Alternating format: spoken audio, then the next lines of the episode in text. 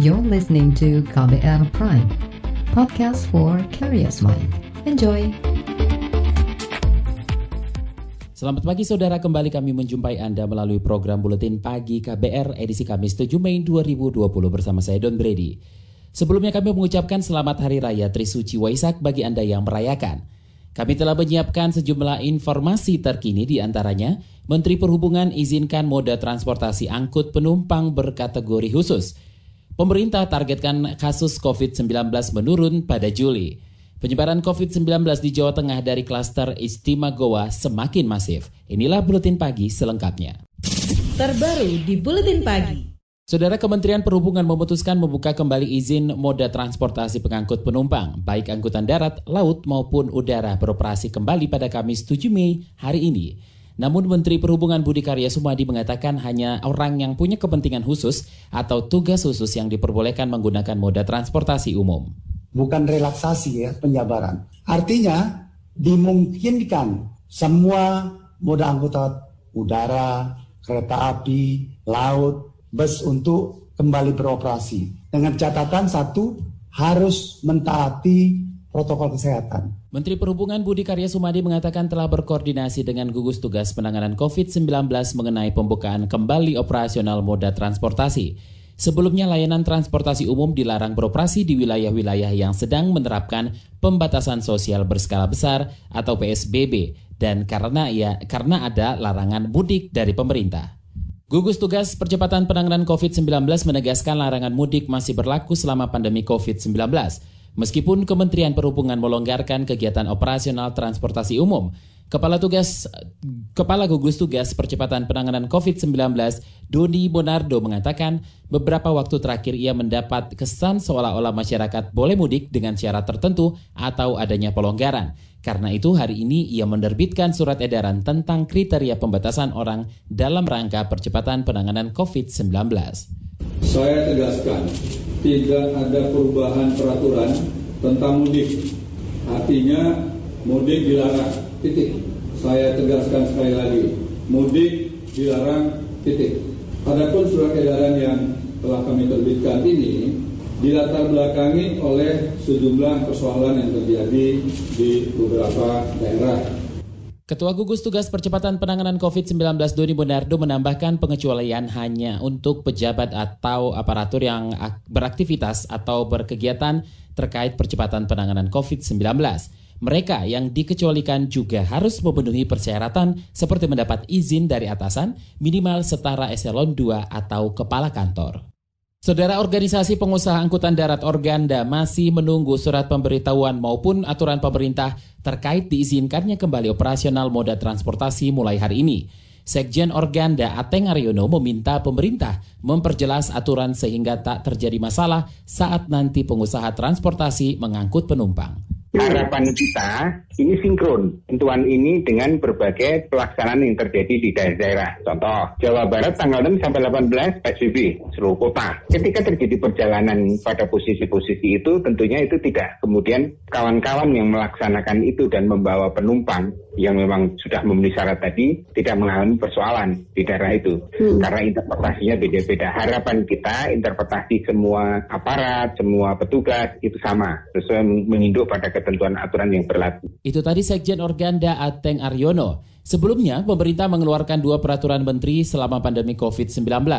Peraturan Menteri atau PM18 mengatur pengendalian transportasi dan PM25 yang mengatur larangan mudik. Keputusan Kementerian Perhubungan melonggarkan operasional layanan transportasi umum di tengah pandemi COVID-19 menuai kritik dari parlemen. Wakil Ketua Komisi Perhubungan DPR RI Nur Hayati Mono Arfa mempertanyakan jaminan pemerintah tentang penerapan protokol kesehatan secara ketat jika sektor transportasi kembali boleh beroperasi. Selain itu, ia khawatir terjadi penyelundupan pemudik dengan alasan kepentingan khusus. Perlu diperlukannya SOP mengenai protokol COVID-19 ini. Apalagi ada kebijakan larangan mudik yang memang dilarang kemarin sempat semua transportasi umum dihentikan di daerah PSBB dan zona merah. Tetapi sekarang akan dibuka kembali bagi kepentingan atau keperluan khusus. Saya ingin pastikan adalah protokol COVID-19 ini telah dilaksanakan oleh para petugas, operator maupun penumpang. Apakah kita yakin masyarakat akan disiplin pada saat ini? Apakah mungkin petugas dan operator pula disiplin? Itu tadi Wakil Ketua Komisi Perhubungan DPR Nur Hayati Mono Arfa. Kritikan juga dilontarkan sejumlah anggota DPR lain. Anggota Komisi Perhubungan DPR Mardani Ali Sera menilai keputusan membuka kembali moda transportasi umum meski untuk kepentingan khusus akan merusak kebijakan pemerintah daerah yang sudah diambil dalam pencegahan COVID-19. Mardani juga meminta kelonggaran transportasi umum itu dibatalkan. Sementara itu pengamat dari Masyarakat Transportasi Indonesia atau MTI Joko Setiowarno tidak mempersoalkan adanya pelonggaran transportasi umum bagi penumpang berkategori khusus. Menurut Joko, tidak banyak orang berkategori khusus yang bisa bepergian dengan moda transportasi umum.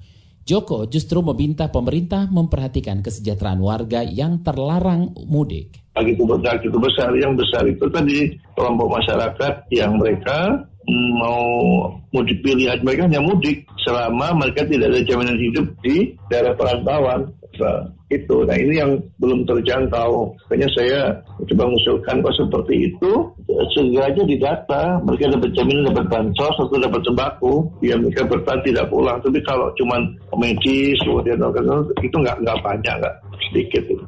Wakil Ketua Masyarakat Transportasi Indonesia Joko Setiwarno menambahkan aturan yang mengharuskan penumpang berkategori khusus bisa berpergian asalkan membawa surat izin dari eselon 2 atau kepala kantor dirasa cukup efektif mencegah perjalanan mudik. Kita ke mancanegara, Saudara Presiden Amerika Serikat Donald Trump mengakui rencananya membuka karantina wilayah di Amerika Serikat merupakan wacana kontroversi. Apalagi banyak yang memperkirakan pembukaan karantina wilayah bisa memicu lebih banyak kematian akibat COVID-19. Meski begitu, Donald Trump mengatakan perintah tetap tinggal di rumah sama saja dengan merusak kesejahteraan sosial. Karena itu, Trump ngotot untuk tetap membuka kembali seluruh aktivitas perekonomian, apalagi saat ini semakin banyak warga Amerika kehilangan pekerjaan. Pernyataan Donald Trump di Arizona itu membuka spekulasi publik Amerika Serikat bahwa Trump tengah berkampanye untuk kembali memenangi pemilu presiden yang akan digelar tahun ini. Pemerintah targetkan jumlah kasus pandemi COVID-19 makin menurun pada Juli mendatang. Informasi selengkapnya hadir usai jeda, tetaplah di Buletin Pagi KBR. You're listening to KBR Pride, podcast for curious mind. Enjoy!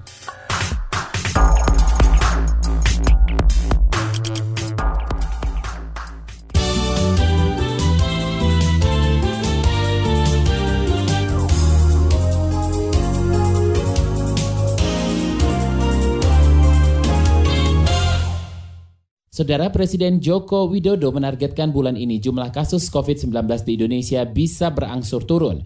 Jokowi juga mencanangkan agar jumlah kasus bisa berada dalam posisi ringan atau rendah pada Juli mendatang. Karenanya Jokowi menginstruksikan gugus tugas penanganan COVID-19 dan semua pihak untuk bersatu melawan penyebaran virus corona.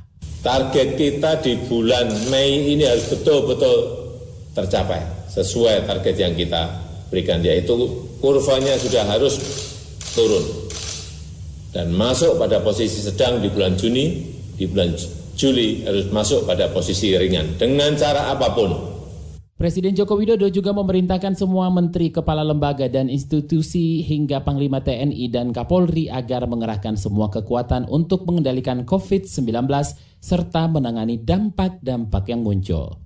Pakar epidemiologi Universitas Indonesia Pandu Riono mengatakan target pemerintah yang ingin menurunkan kurva COVID-19 pada Juli mendatang bisa saja tercapai, asalkan syaratnya semua peraturan pembatasan sosial berskala besar atau PSBB diterapkan dengan baik. Masuk akal, tapi eh, jangan kendor pembatasan sosialnya. Harus ditingkatkan lagi, implementasinya benar-benar berjalan. Kan kita masih melihat mudik darah, masih ada rembesan gitu kan. Masih ada orang yang mencuri-mencuri untuk mencari peluang mudik. Kemudian eh, masih banyak orang belum pakai masker, pasar belum diatur pasar harus terbuka, bukan berarti harus tutup, tapi diatur. Pakar epidemiologi dari UI Pandu Riono menambahkan pemerintah harus lebih sering mengevaluasi program-program yang dijalankan selama PSBB diberlakukan.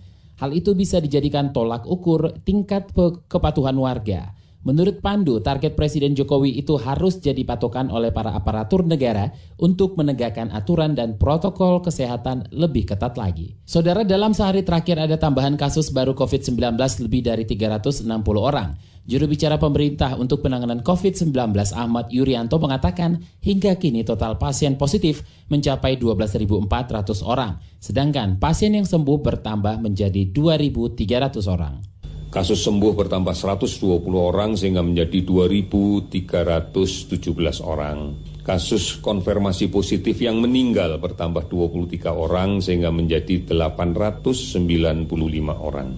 ODP akumulasi sejak awal Maret adalah 240.726 dan sebagian besar lebih dari 200.000 sudah selesai pemantauan dan kondisinya baik. PDP ada 26.932 orang. Juru bicara pemerintah untuk penanganan COVID-19 Ahmad Yuryanto menambahkan saat ini sudah ada 355 kabupaten kota terpapar virus COVID-19.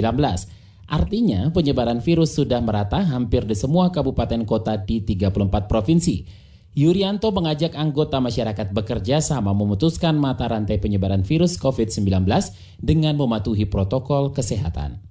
Kementerian Hukum dan HAM mengklaim bekas narapidana yang dibebaskan melalui program asimilasi dan kemudian baru berulah lagi jumlahnya sangat sedikit.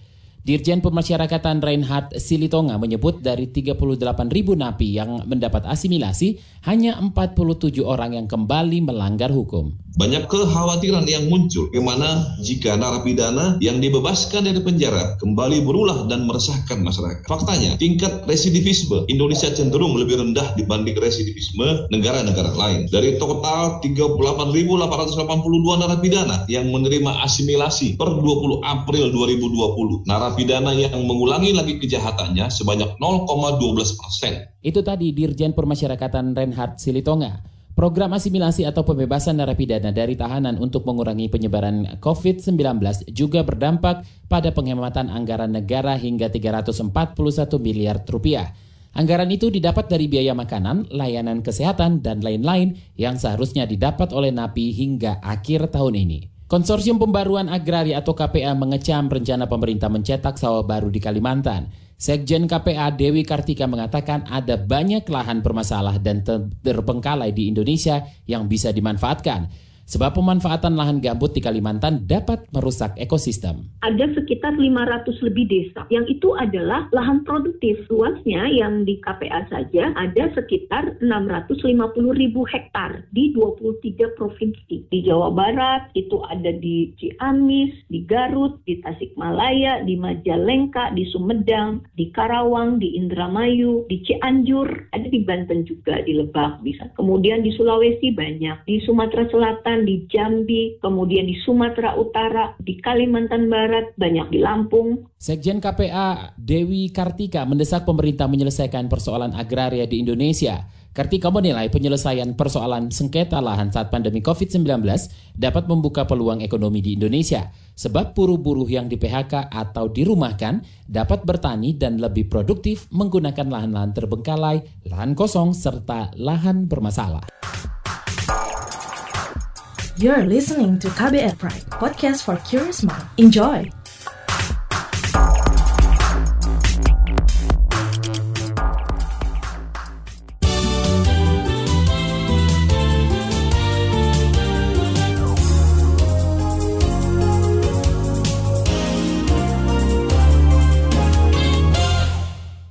Anda masih mendengarkan buletin pagi saatnya kita simak laporan khas KBR. Saudara karut marut distribusi bantuan sosial selama pandemi COVID-19 menjadi sorotan. Kasus bansos tidak tepat sasaran hingga penerima ganda bermunculan di banyak wilayah. Di sisi lain aparat daerah kerap dirundung dilema saat mengeksekusi bansos di lapangan. Simak laporan yang disusun tim KBR dibacakan Dwi Renjani. Kita warga juga diinformasikan kalau bantuan sembako dari Pemda DKI ini akan dibagiin dua. Selfie kaget ketika didatangi ketua RT yang membawa satu kardus bantuan sembako dari Pemda DKI. Warga Jakarta Pusat ini merasa tidak layak menerima karena keluarganya tergolong mampu.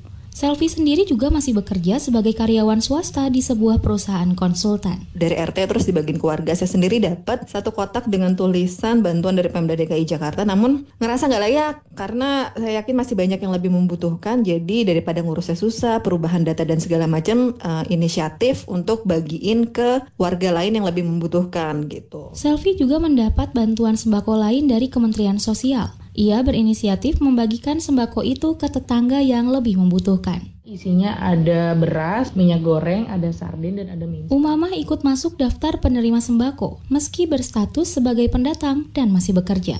Warga asli Semarang, Jawa Tengah ini merasa tak berhak menerima bantuan yang seharusnya ditunjukkan bagi warga terdampak pandemi COVID-19.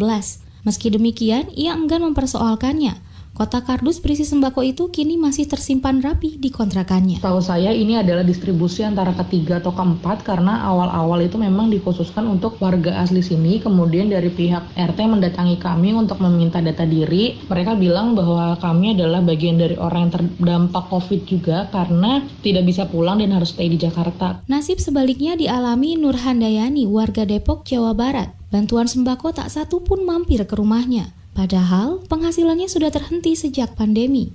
Selama ini Nur mengais rupiah dari berjualan makanan di sekolah. Sejak kebijakan belajar dari rumah, ia menganggur dan hanya mengandalkan pesanan kue yang tak seberapa. Suaminya pun sudah lama tak bekerja karena sakit. Maksudnya tuh jangan dilihat dari rumah, udah ini dia pasti kecukupan. Tapi kan ditanya dulu gitu, misalnya dari RT-nya, ini suami masih kerja apa enggak gitu kita tuh selama ini ya nggak ada bantuan sama sekali dari pemerintah. Makanya saya suka kesal gitu kalau ngelihat bansos sudah disalurin, udah diiniin. Mana nyampe juga enggak. Keburu rakyatnya udah pada mati duluan baru nyampe kali. Distribusi bansos yang tak tepat sasaran dan tumpang tindih diakui pemerintah pusat maupun daerah. Menteri Sosial Juliari Batubara menyoroti penyaluran bansos yang double seperti di DKI. Kata dia, pemerintah daerah seharusnya bisa membedakan data penerima dua bansos tersebut. Pada saat ratas terdahulu, kesepakatan awalnya sebenarnya tidak demikian Gubernur DKI meminta bantuan pemerintah pusat untuk mengcover keluarga yang tidak bisa di-cover oleh DKI. Artinya apa? Mereka tidak melayani atau tidak memberikan data yang sama antara penerima bansos sembako DKI maupun bansos sembako Kemensos. Tapi yang terjadi di lapangan ternyata datanya sama persis. Di wilayah lain, kusutnya distribusi bansos juga sangat kentara. Di RW 3 Desa Jomblang, Semarang, Jawa Tengah, bantuan datang tetapi hanya sedikit. Padahal sebagian besar warga merupakan buruh harian yang terdampak pandemi. Ketua RW setempat, Suryo Setiawan dipaksa memutar otak untuk memastikan kebutuhan warganya tercukupi. Ia menginisiasi pendirian dapur umum yang bisa diakses semua warga tanpa terkecuali. Seluruh bansos yang masuk ke RW 3 tidak disalurkan ke penerimanya, tetapi dikumpulkan kemudian diolah di dapur umum. Hal ini juga bertujuan mencegah kecemburuan sosial antar warga penerima dan non-penerima bansos. Harapan saya semua bantuan, enggak personil-personil enggak, itu rawan gesekan-gesekan kan rawan tuh mas. Jadi kita full di lumbung itu. Itu kalau didata ya hampir semuanya itu penduduk warga sini itu banyak kan mayoritas pekerja non formal harian. Ya contohnya kayak driver mirkolet, uh, rental juga ada yang jualan nasi kucing juga kena dampak. Uh, pegawai-pegawai malah justru 20 persen tidak ada. Sementara itu, Asosiasi Pemerintah Desa Seluruh Indonesia atau APDESI mengakui aparat di lapangan kerap mengalami dilema dalam mengeksekusi bantuan sosial. Situasi pandemi membuat semua orang merasa terdampak hingga ikut mengharap bantuan. Sekjen Abdesi Ipin Arifin menyebut banyak aparat terpaksa membagi rata semua bantuan guna mencegah gejolak sosial. Pembagian fasilitas, konsumsi, itu kan hanya dilematis. Ini nggak dikasih, ini dikasih. Pada rakyat ngomong, ini bukan pembagian jakat loh. Kalau hmm. pembagian jakat boleh lah, yang kaya nggak boleh, yang miskin aja. Di sini kan semua kena musibah lah. Mau kaya, mau miskin, mau pinter, mau bodoh katanya. Hmm. Makanya pembagian harus sama aja. Ngasih banyak pemahaman sampai di situ. Demikian laporan yang disusun tim KBR, saya Dwi Renjani. Informasi dari daerah akan kami sajikan usai jeda tetaplah di Buletin Pagi KBR.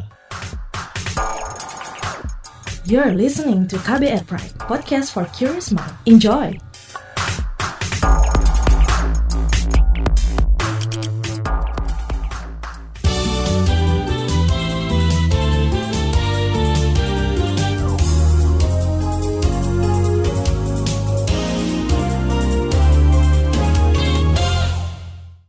Inilah bagian akhir buletin pagi KBR. Saudara, penyebaran COVID-19 di Jawa Tengah yang berasal dari klaster Ijtima Ulama Goa semakin masif. Di Kabupaten Brebes ditemukan 16 orang positif COVID-19 karena penularan dari klaster Goa. Gubernur Jawa Tengah Ganjar Pranowo meminta warga yang telah menghadiri kegiatan Ijtima Ulama di Goa segera melapor ke Dinas Kesehatan daerah masing-masing agar segera ditangani. Saya minta sekarang sekali lagi untuk kesekian kalinya kepada kawan-kawan yang kemarin ikut Ijtima Ulama di Goa, tolong betul untuk mendaftarkan. Kemarin berbes satu-satunya kabupaten yang uh, masih kuning belum ada merahnya dan hari ini merahnya adalah dari klaster Goa. Maka klaster Goa akan menjadi perhatian kita dan kita meminta kepada Bapak Ibu para bupati wali kota termasuk wabil khusus dinas kesehatannya untuk meminta mencari mengejar mereka yang alumni istimewa ulama. Gubernur Jawa Tengah Ganjar Pranowo menambahkan akan membentuk tim khusus guna mencari warga Jawa Tengah yang mengikuti acara istimewa ulama Goa. Ganjar akan berkoordinasi dengan kepala daerah di Jawa Tengah. Menurut Ganjar, Brebes sebelumnya merupakan satu-satunya daerah yang masih berstatus kuning karena belum ada kasus positif COVID-19. Tapi saat ini Brebes sudah berstatus zona merah. Tiga kabupaten kota di Kalimantan Barat masuk kategori penyebaran virus corona melalui transmisi lokal. Kepala Dinas Kesehatan Kalimantan Barat Harrison mengatakan itu kemarin berdasarkan temuan tambahan kasus baru. Kalimantan Barat terdapat beberapa kota dan kabupaten yang sudah masuk dalam kategori wilayah transmisi lokal di mana sudah terjadi penularan antar penduduk. Jadi kasus konfirmasinya bukan lagi kasus impor dari e, negara lain atau dari wilayah lain. Nah, wilayah transmisi lokal ini adalah satu kota Pontianak, dua kabupaten Ketapang, ketiga kota Singkawang. Berdasarkan pemeriksaan laboratorium, 17 kasus baru yang ditemukan tersebar di dua kota dan empat kabupaten. Wilayah itu antara lain Pontianak, Kuburaya, Kota Singkawang, Kabupaten Landak, Ketapang, dan Kayong Utara. Dari kasus baru itu ada tiga tenaga medis ikut tertular. Hingga kini kasus positif COVID-19 di Kalimantan, di Kalimantan Barat mencapai 90 orang. Saudara pemerintah Kota Jayapura, Papua membebaskan pajak daerah dan retribusi untuk pelaku usaha selama masa pandemi COVID-19. Sekretaris Daerah Jayapura Franz PK mengatakan kebijakan itu diambil untuk meringankan beban usaha para pelaku ekonomi.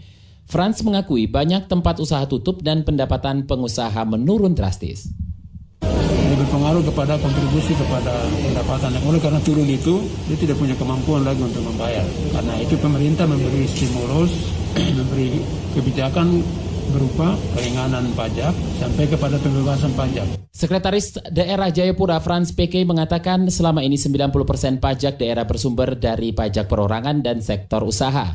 Karena itu dengan kebijakan pembebasan pajak daerah dan retribusi, maka target 220 miliar rupiah pendapatan asli daerah atau PAD Jayapura pasti akan meleset separuhnya. Informasi tadi menutup jumpa kita di Buletin Pagi hari ini. Pantau juga informasi terbaru melalui kabar baru, melalui website kbr.id, Twitter kami at berita KBR, serta podcast melalui kbrprime.id. Akhirnya saya Don Brady undur diri. Salam.